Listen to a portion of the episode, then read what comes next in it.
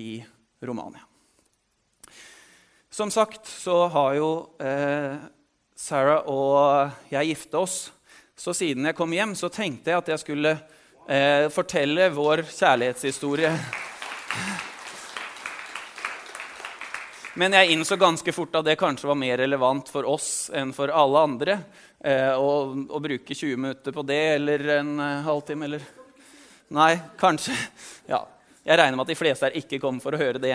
Så Derfor så heter eh, talen i dag 'Kjærlighetens historie'. Eh, for det er det som jeg har lyst til å snakke om. Jeg merker jo mer eh, jeg eh, jobber, eh, både i Romania, men også som jeg deler Guds ord, så ligger det mer og mer på hjertet mitt hvem er det vi snakker om når vi snakker om Gud? Guds karakter. Hvem er han? Eh, for det er det som er kjærlighetens historie. Det er rett og slett egentlig hvem er Gud? Og vi skal lese fra 1. Johannes eh, og kapittel 4. Og fra vers 8 der så står det Den som ikke elsker, har aldri kjent Gud. For Gud er kjærlighet. Og Guds kjærlighet ble åpenbart blant oss da han sendte sin enbårne sønn til verden for at vi skulle ha livet han. Kjærligheten er ikke det at vi har elsket Gud, men at han har elsket oss og sendt sin sønn til soning for våre synder. Mine kjære, har Gud elsket oss slik, da skylder også vi å elske hverandre. Den som ikke elsker Gud, den som ikke elsker, har aldri kjent Gud, for Gud er kjærlighet. Bibelen kommer jo til oss ofte med mange oppmuntringer om hva som er det gode livet. Påbud om hvordan vi kan gjøre det godt for oss selv og for andre eh, og leve eh, i fellesskap. Og også forbud om hva det er som, som eh, river ned, som ikke bygger det gode. Og så eh, syns jeg ofte når jeg leser i Bibelen, at Bibelens forfattere har et veldig realistisk bilde av hvem vi er som mennesker. Bibelen holder fram hva som er det beste. Men ve eh, veldig ofte så er det med en forståelse og med en, med en For meg i hvert fall en på en måte eh, Ja, at, at, det er veldig godt for meg å lese at de, de skriver at vi klarer ikke å leve opp til den standarden som Bibelen setter. Hvis det bare var standarden vi hørte om, så hadde det vært uh, utfordrende for meg. i hvert fall. Men vi hører om tilgivelse, vi hører om at, at, dette er noe som vi kommer til kort i. Og Derfor så syns jeg at uh, det er så interessant at Johannes her er så direkte. Det er jo et kjempedirekte sitat at 'den som ikke elsker, har aldri kjent Gud'. Tenk at han kan si noe sånt. Hvis vi ikke elsker, så har vi aldri kjent Gud, for Gud er kjærlighet. Og hvorfor kan Johannes her være så direkte i forhold til at vi vet at så ofte så, så innser Bibelens forfatter at vi ikke strekker til? Jo, fordi jeg tror ikke Johannes her kommer med pekefingeren og sier nå må du ta deg sammen og elske. Han, han, sier ikke at du må strekke deg opp til en standard for å elske. Nei, han forklarer det jo. Den som ikke elsker, har ikke kjent Gud, for Gud er kjærlighet. Hvordan oppstår kjærlighet? Kjærlighet oppstår jo ikke ved at jeg tar meg sammen. Nei, den oppstår ved at jeg kjenner Han som elska meg først. Hvordan kan Johannes si at Gud er kjærlighet? Kjærlighet oppstår jo i relasjon. Hvis jeg sitter i sofakroken der borte og, og sier at eh, jeg er veldig flink til å elske, eller kan forklare hva kjærlighet er, så betyr det jo ikke nødvendigvis at jeg elsker. Det blir en veldig kald form for kjærlighet hvis den ikke er i relasjon med noen. Så hvordan kan Gud i seg selv være kjærlighet? Eller dere ser nesten ikke den røde, linja der, men det blir et veldig banalt eksempel. Men si at det er menneskets historie som er innafor den røde sirkelen. Gud er jo en evig Gud. Hvordan var Gud kjærlighet før han hadde noen å dele kjærlighet med? Hvordan kan Johannes si Gud er kjærlighet? Bibelen forteller oss at Gud ikke bare er én, men Gud er tre i én. Og jeg skal ikke ta tida nå på å prøve å forklare det. Det er det mange som har prøvd å forklare før. At Gud er en treende Gud. Men Bibelen sier det til oss. Gud er kjærlighet fordi kjærlighet har alltid eksistert i fellesskapet. Gud. Jeg har lyst til å lese noen bibelvers som kanskje forklarer litt hva jeg mener. Jesus han sier når han ber til Gud, at 'du elsket meg før verdens grunnvoll ble lagt'. Han underviser folket, og han sier 'Faderen elsker Sønnen', og alt har han gitt i hans hånd. Han sier til vennene sine, disiplene, 'Liksom Faderen har elsket meg, har jeg elsket dere'. Og Gud sier idet Jesus blir døpt Foran hele folkemengden så sier han, 'Du er min sønn, den elskede. I deg har jeg velbehag.' Og, han, og Jesus, før han skal bli korsfesta, så sier han, 'Verden skal nå skjønne at jeg elsker Faderen, og at jeg gjør som Han har befalt meg.' Til slutt Den hellige ånd.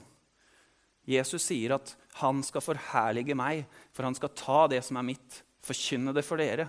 Alt Faderen har, er mitt. Derfor sa jeg at han skal ta av det som er mitt, og forkynne det for dere.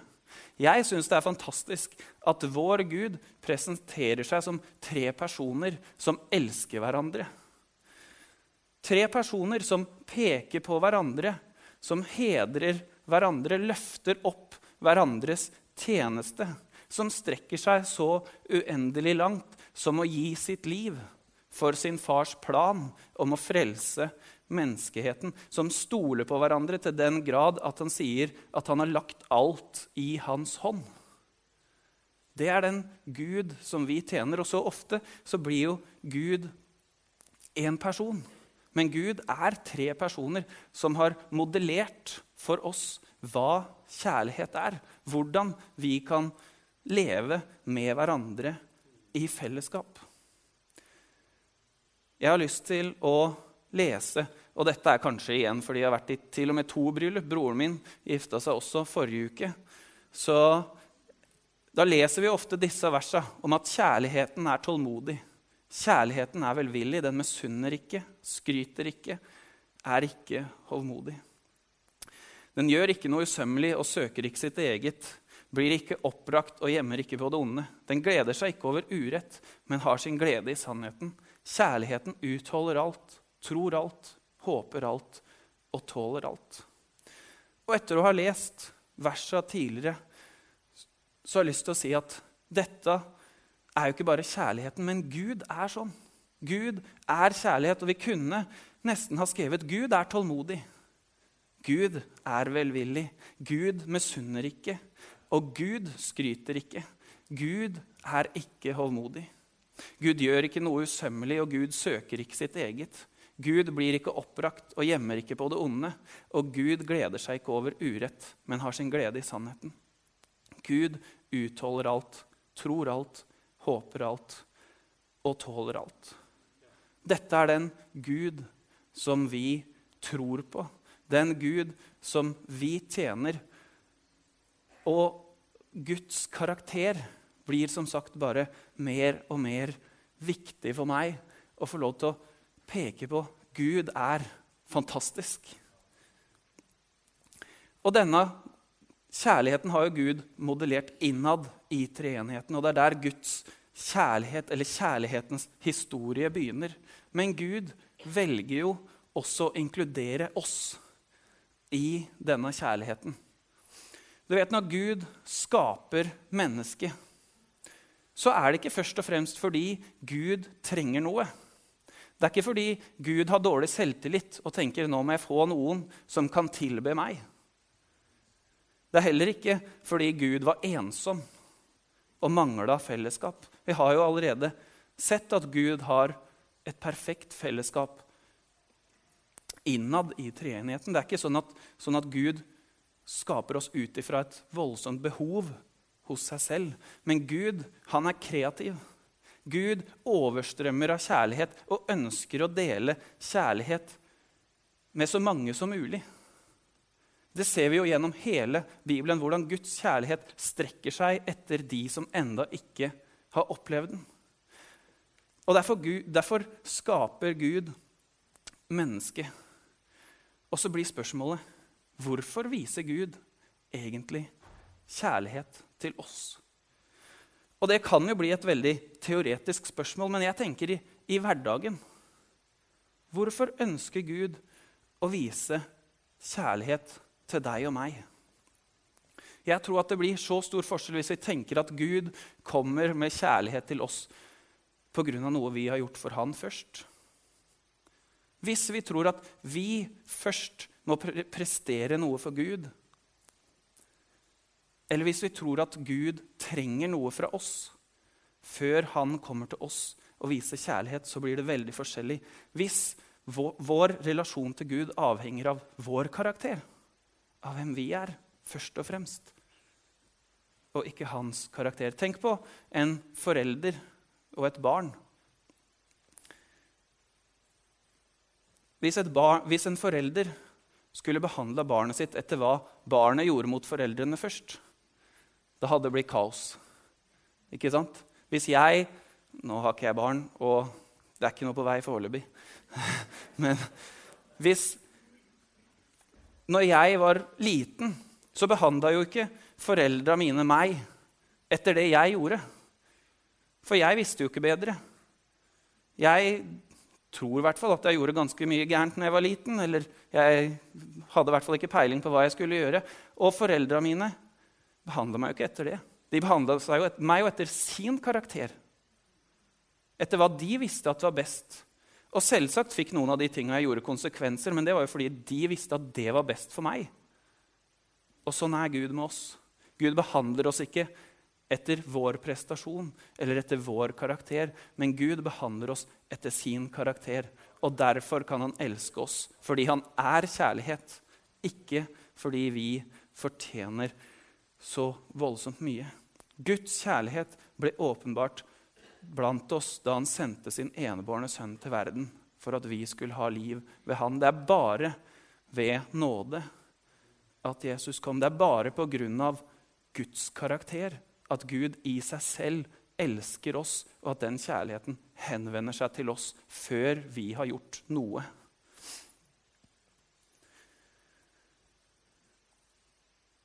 Kjærligheten er ikke at vi har elska Gud, men at han har elska oss. Fordi hvis kjærligheten hadde vært basert på min prestasjon Hvis kjærlighetsforholdet mellom meg og Gud handler om min prestasjon, da er det noen dager som jeg tror at jeg hadde opplevd kjempeopptur.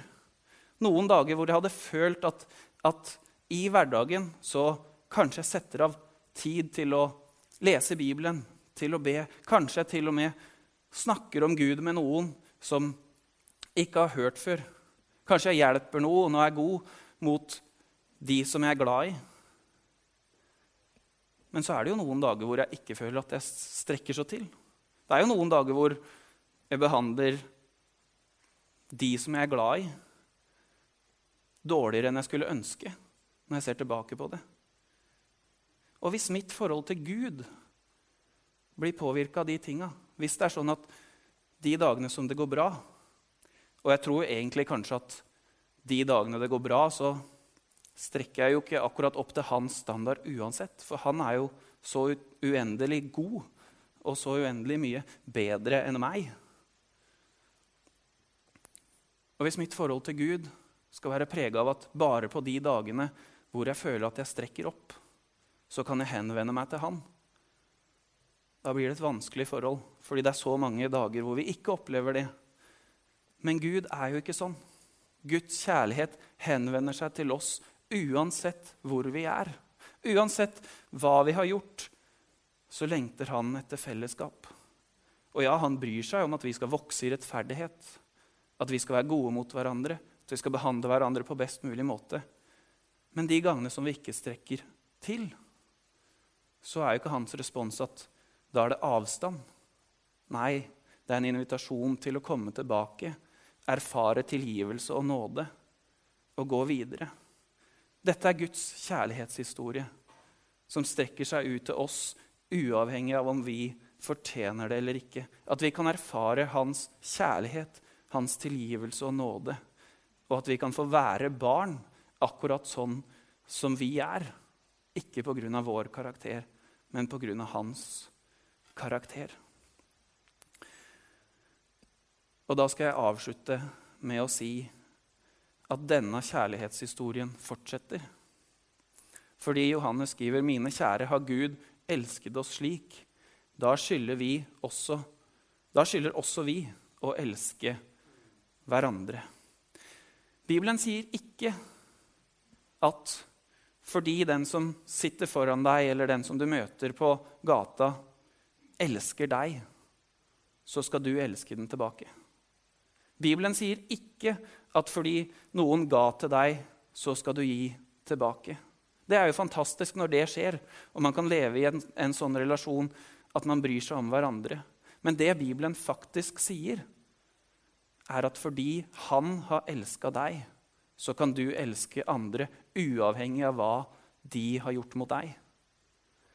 Fordi du og jeg får lov til å oppleve i relasjon med Gud en kjærlighet som elsker ikke bare på grunn av, men på tross av, så kan vår kjærlighet selvfølgelig mye mer ufullkomment men vår kjærlighet kan vokse til å elske andre på den måten. At uavhengig av hvordan de behandler oss, så elsker vi. Fordi vi har opplevd tilgivelse der vi ikke fortjente det, så kan vi tilgi. Fordi den tilgivelsen er ikke basert på den som mottar den, men den er basert på at han har tilgitt oss. Dette er Guds kjærlighetshistorie som strekker seg til nye og nye mennesker hele tida, og som velger å bruke oss ufullkomne som har fått ta imot den kjærligheten. Og det er jo ikke bare lett, fordi det finnes ord som stolthet eller hevn eller selvhevdelse eller en form for rettferdighet der vi ønsker å behandle folk etter hvordan de har behandla oss, eller egen vinning, som dessverre preger oss mer enn vi skulle ønske. Og vi som tror på Gud, som har erfart Hans kjærlighet, jeg tror ingen av oss kan si at disse tinga ikke preger oss innimellom.